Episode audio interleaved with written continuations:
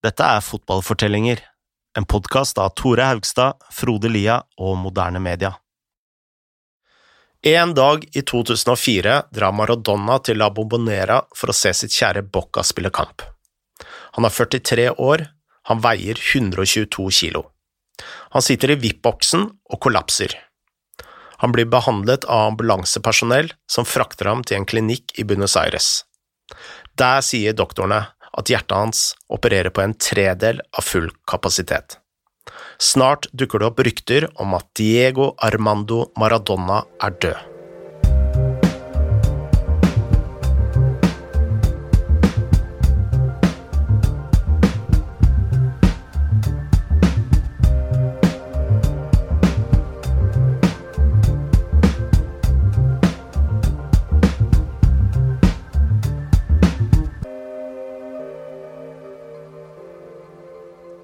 Da Maradona var suspendert av Fifa for doping i VM i 1994, hadde han en ny periode foran seg uten eh, fotball.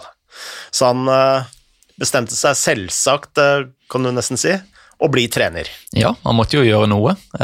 Han bestemte seg for å ta over en klubb som heter Textil Mondicho. En liten klubb i Argentinas toppdivisjon som er basert i Corrientes, som da er den hjemlige regionen til Maradona. Og som trener da, så var han jo, som du kunne forvente, altså veldig, veldig lidenskapelig. Eh, vel, ropte masse på sidelinja, gestikulerte, ofte i retning dommeren. Eh, men han var ikke en stor suksess da. Han var der i tolv kamper og vant kun én. Og Så sa han opp, og samme sesongen så rykka laget ned. Men eh, etter det så dukker Maradona opp i en ny klubb, og denne gangen er det Racing.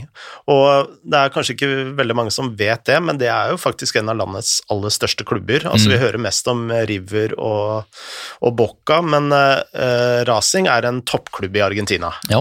Mm.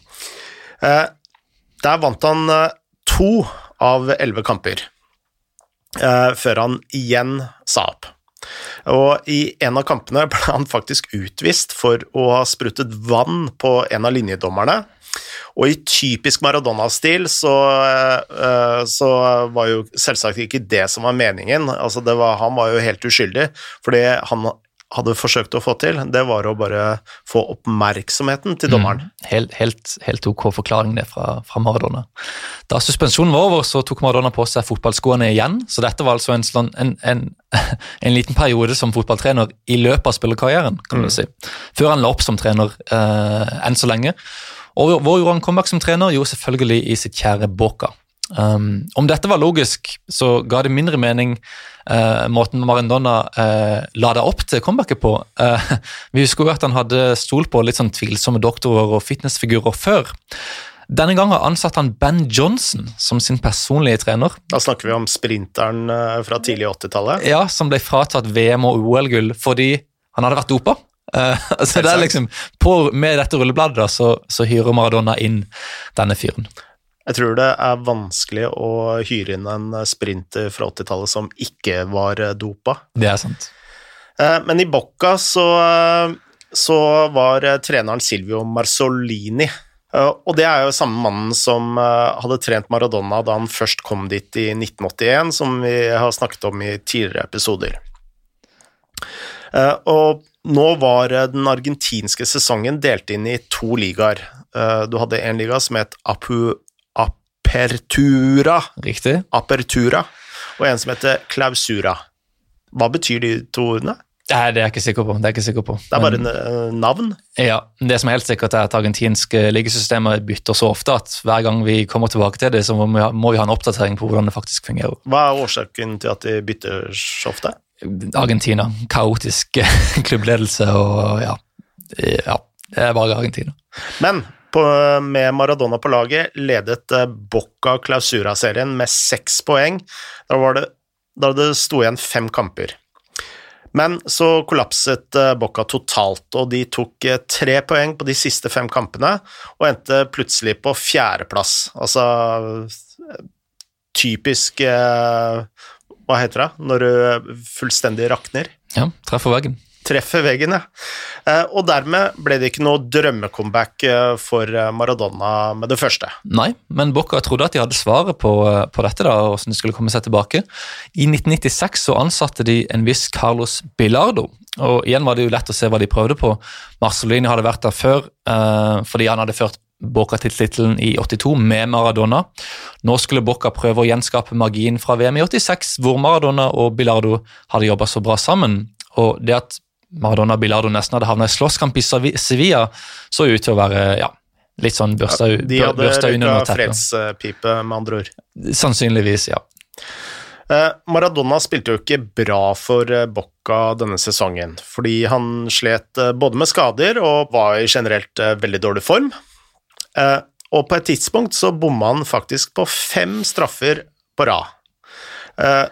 Og dette er jo utrolig i seg selv, men det sier jo kanskje enda mer at Maradona faktisk fikk lov til å ta så mange straffer eh, på rad. Og hadde han hatt mulighet, så hadde han sikkert bomma på ti på rad. ja, helt sikkert.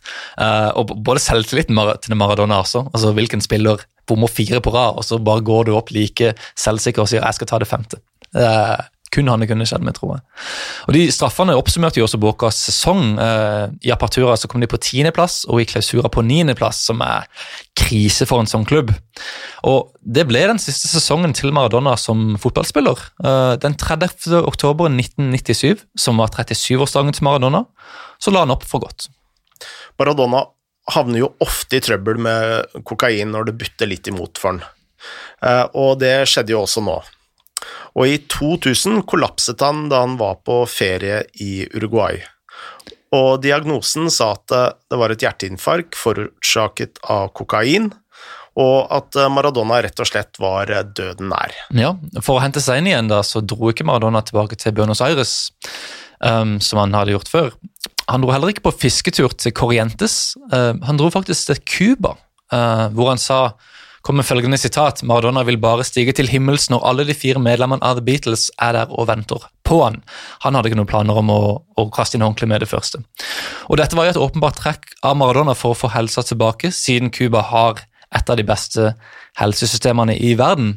Men Maradona hadde også fått en sånn ny dimensjon da, til sin personlighet. Han hadde fått klare preferanser innenfor politikkens verden. Vi husker jo at eh, Maradona nektet å si så mye om Argentinas militærregime da han var ung. Nå var han eh, plutselig blitt venn med Fidel Castro og hadde fått seg en stor tatovering med Che Guevara oppe på høyre skulder. Mm, og vi må jo ta med her at Cuba da som nå var et kommunistisk land som hadde USA som sin store fiende. Maradona var ikke nødvendigvis eh, kommunist sjøl, men etter å ha blitt tatt i doping i VM i USA, så var jo også han veldig imot amerikanerne. Så de hadde en, en slags felles fiende, kan du si. Snart begynte også Maradona å assosiere seg med flere søramerikanske ledere på venstresida. La oss høre mer fra Martin Masur. After the doping, everything changes, and he starts.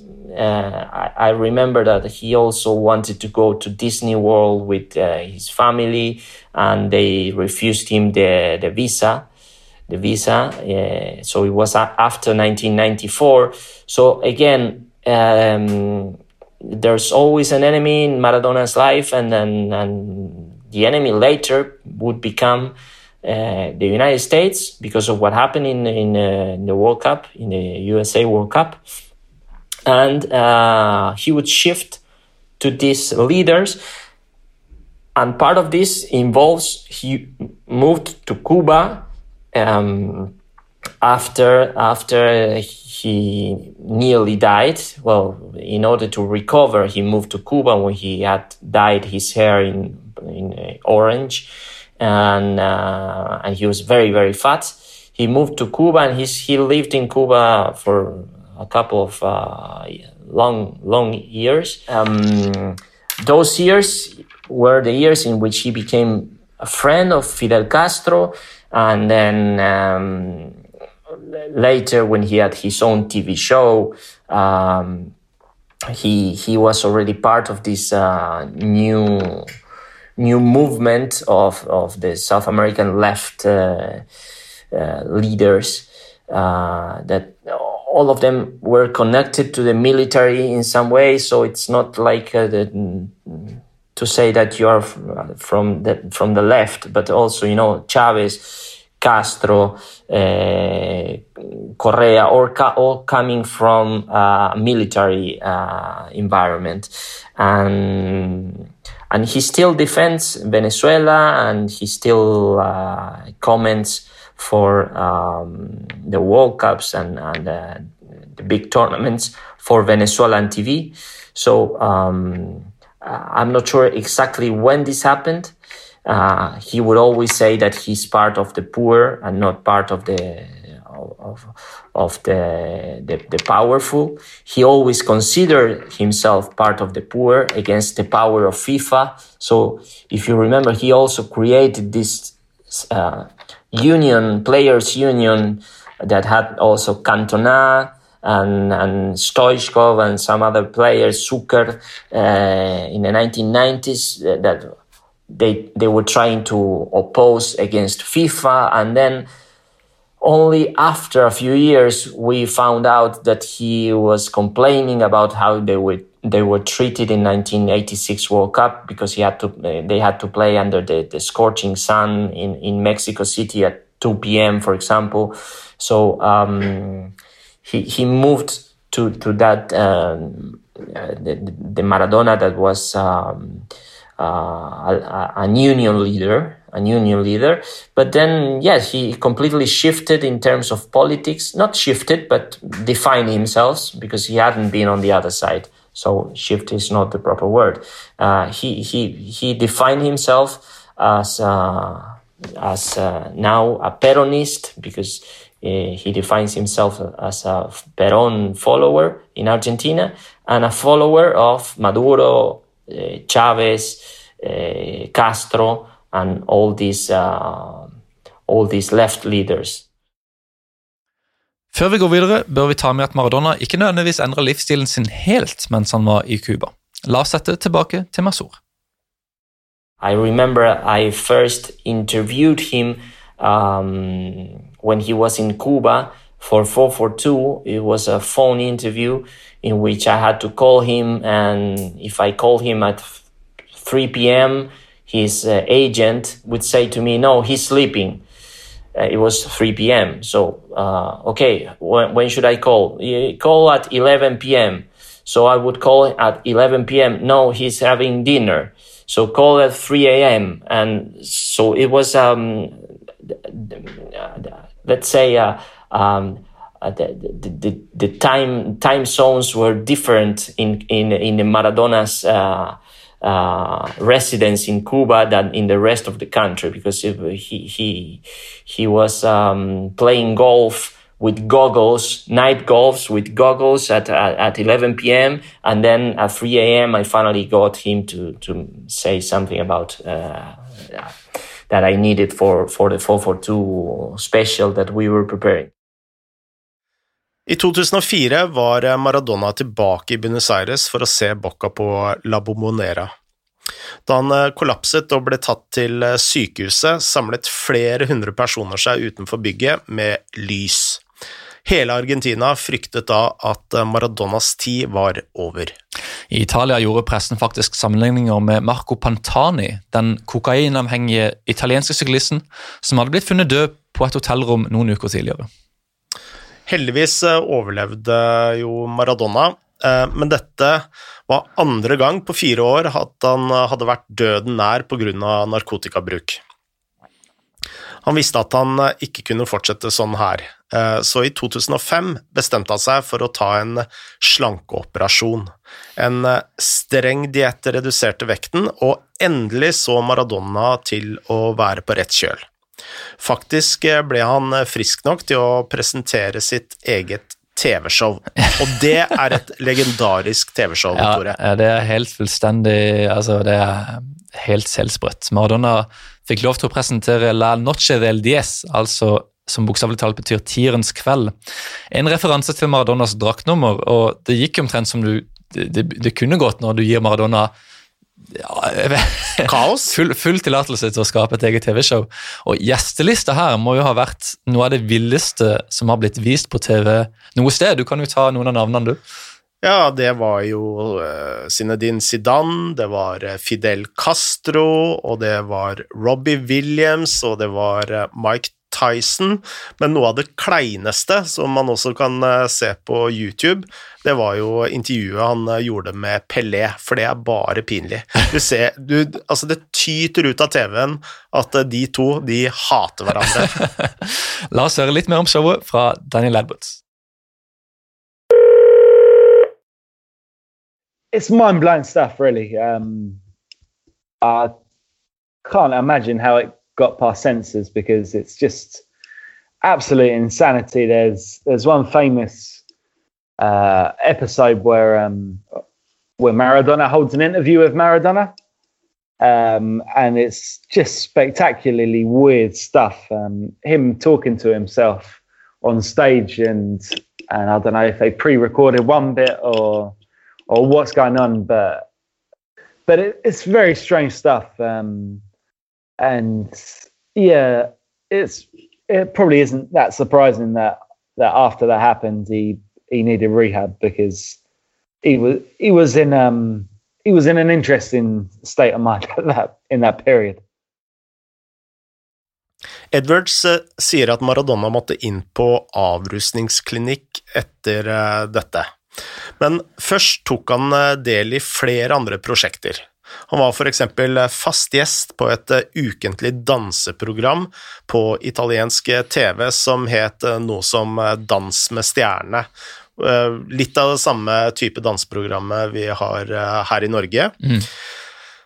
Der dansa han jo alt fra vals, samba og tango med selveste Miss Italia og andre kjendiser. Men plutselig slutta han å dukke opp i TV-programmet, og det med veldig god grunn. Altså, jeg vil si det er 200 eh, millioner kroner grunner til at han eh, slutta å dukke opp i, i, det programmet, for da fikk en skattemyndighetene i Italia i hæla, eh, som mente han skyldte de 200 millioner kroner. Mm. Ehm, så Maradona, i stedet for å dra til Italia, da, så, så dukka han opp igjen i, i Bocca eh, på ny i 2005. Og Denne gangen som visepresident. Dette var det nye prosjektet han skulle begynne på nå. Under han så hyra Bocca inn Alfio Basile som trener. Og, og, dette fungerte. Uh, de vant både Apertura og Klausura i 2006, pluss Copa Sudamericana, som er den nest største klubbturneringa i Sør-Amerika. Suksessen var en ett etterlengta sportslig opptur for eh, Maradona. Men eh, snart dukket eh, helseproblemene opp igjen. Han ble lagt inn på sykehus i Buenos Aires, og denne gangen fordi han hadde drukket for mye alkohol. Og igjen kom det nye rykter om at han var død. Så du, du, har, så du, har, liksom denne berg-og-dal-banen. Han, han, går opp og skal liksom danse med stjerner og bli visepresident i Boca. og så kommer det et nytt helseproblem. Og så er det liksom som han opp, opp Eller et nytt, uh, nytt uh, rusproblem, ja. er det vel egentlig. Ja, så må han kjempe seg opp til, opp til toppen igjen. Så det, det, er veldig opp og ned.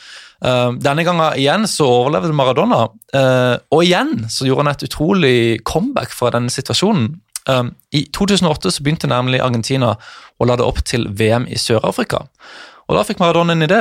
Hvorfor ikke bare bli treneren til Argentina? Argentina var eh, allerede i gang med kvaliken til VM da landslagstreneren fikk sparken i oktober 2008. Dette var eh, faktisk Alfio Basile som hadde fått jobben etter suksessen med Bocca. Maradona fortalte pressen at han ønsket jobben, og etter det så startet han en kampanje med hjelp av venner og bekjente for å overbevise Julio Grondona, som eh, da var eh, president i det argentinske fotballforbundet. Ja, og den store gudfaren i argentinsk fotball i, i mange tiår rundt den tida. Snart fikk Grondona jo høre om, om ulike argumenter for hvorfor en legende som Maradona skulle få jobben. Det var definitivt ikke basert på resultatene han hadde som trener, men Kanskje heller det at sponsorinntektene ville doble seg og, og, litt sånne ting. Ifølge Jimmy Burns så ble Grondona faktisk oppringt av tre presidenter. Hugo Chávez, Evo Morales og Nestor Kirchner. Alle disse hadde fått politisk støtte av Maradona tidligere. Og vi kan jo bare eh, anta at de støtta Maradona her. Mm. Eh, akkurat hva de sa til Grondona, er ikke klart, men eh, den 4. november da, så ble Maradona bekrefta som Argentinas nye landslagssjef. Og dette er jo egentlig ganske utrolig, basert på hva Maradona har gjort uh, tidligere som trener. Vi spurte Jonathan Wilson om hvordan i alle dager Fotballforbundet, altså AFA, valgte Maradona. So yeah, I guess because um, planning and doing things by the book and doing things by the law have never worked in Argentina. All the economic plans have failed. Um, there is this faith in messianic figures, of whom Peron is absolutely one, and Maradona is the footballing equivalent. And so he won them a World Cup, not quite single handed, but definitely uh, he was more responsible for Argentina winning the World Cup in '86 than any other individual has been for their country winning the World Cup. So he has these messianic qualities, and they've seen him do things for, for Napoli. Um, I mean, it's, it's a sign of Maradona's influence that if you go to Argentina now, the way to the way you greet somebody, man or woman, whether you know them particularly well or not, is you kiss them on the cheek once. And apparently that only happened from the late 80s onwards. And it's because they saw Maradona doing that in Naples on TV. So that's his influence, that, that he, he introduces kissing as a way of kind of greeting people. Oh, yeah, so they see, they see him as this messianic figure. And uh, yeah, they have a series of coaches where things haven't quite worked out. And you got a load of craziness with AFA after the 2006 World Cup. So you had the, the best youth, but best nat- the best national youth setup in the world which had been run by, by Jose Peckerman, who becomes the full national coach in 2006. And you had Tokali, who'd been his assistant, had taken over the running the youth setup. And they win those five under 20 World Cups in, in seven editions of the tournament. And you have this incredible conveyor belt of talent, which wins them the Olympics in 2004 and 2008. And so you look at the 2008 Olympic side, and you've got um, Messi and Aguero and Di Maria, and you think that side's got to go on to win the World Cup. And you know, they hadn't won any international tournaments, um, senior international tournaments since '93, and so there's this sort of growing frustration. This this incredible conveyor belt of youth talent is not is not winning the the, the full senior tournaments, and so in a panic they they turn to Maradona because he's the, the Messiah who who um, they they think will will win them a World Cup because he won them a World Cup once and therefore and it's not just he won the World Cup in '86, because there's this bizarre thing that 1990 is almost celebrated more in Argentina than 1986, because it's backs to the wall, it's in defiance of the world, it's this sort of um, everybody's against them, and yet they, they, they fight and they scrap and they, they, they get so close to winning it. And, and yeah, is obviously at the heart of that as well. And I guess you've even got the redemption story from his failure in '82.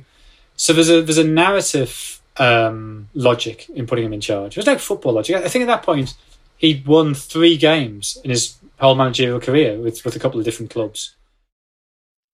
Martin Masur fortalte oss også at Fotballforbundet ville ha Maradona for å skape fred i stallen, som hadde vært litt sånn splitta under Basile. Og I starten så, så Maradona-stuntet faktisk ut til å virke. Eh, Argentina vant to vennskapskamper og så en kvalikkamp. Men så tapte de altså en kvalik borte mot Bolivia, og de tapte han ikke 1-0 eller 2-1, de tapte han 6-1. Og plutselig da så, så alt ut til å rakne for Maradona. Argentina tapte tre av de neste fire kvalikkampene, og eh, Maradona bytta stadig formasjon, eh, spillestil og eh, spillere. Med to kamper igjen sto Argentina faktisk i fare for å gå glipp av hele VM for første gang på 40 år. Neste kamp var hjemme mot Peru, en kamp Argentina måtte vinne. La oss høre fra Daniel Edwards om presset som lå på Maradona.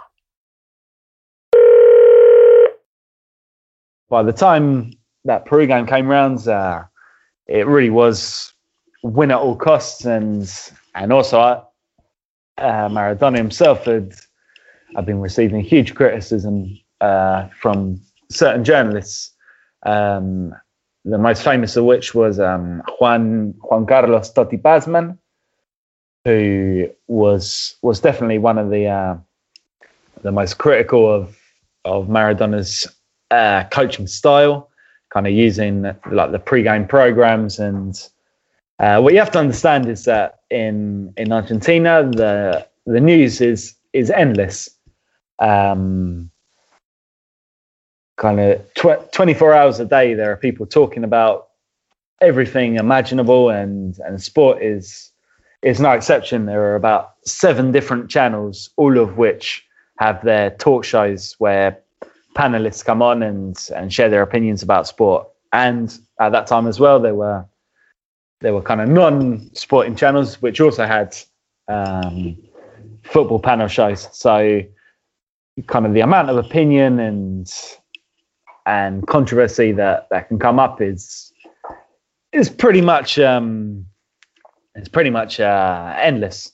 Um, Basman had, had spoken kind of very disparagingly about Argentina, about Maradona. Um, I can't remember the exact words, but I think it was something along the lines of if if Argentina stick with Maradona, they're they're not going to the World Cup. Det skulle bli en dramatisk kamp i Buenos Aires. I pøsende regn tok Argentina ledelsen like etter pause via Gonzalo Higuain. Men i det 90. minutt så utligna Peru, og plutselig så, så alle kritikerne til Maradona ut til å ha rett. Men så, to minutter på overtid, fikk Argentina en corner. Etter flipperspill inne i boksen havner ballen hos veteranspissen og Bocca-legenden Martin Palermo. ¡Gol! ¡Palermo! ¡Gol! ¡Palermo! ¡Gol! ¡Palermo! ¡Gol! ¡Argentino! ¡Palermo, Palermo, Palermo, Palermo! A los 47 minutos, Palermo, Palermo pone la Argentina Scenene på stadion er helt ville etter dette målet. Altså, Du har 40 000 argentinere som går berserk på tribunene. Palermo river av seg trøya og løper rundt som en villmann.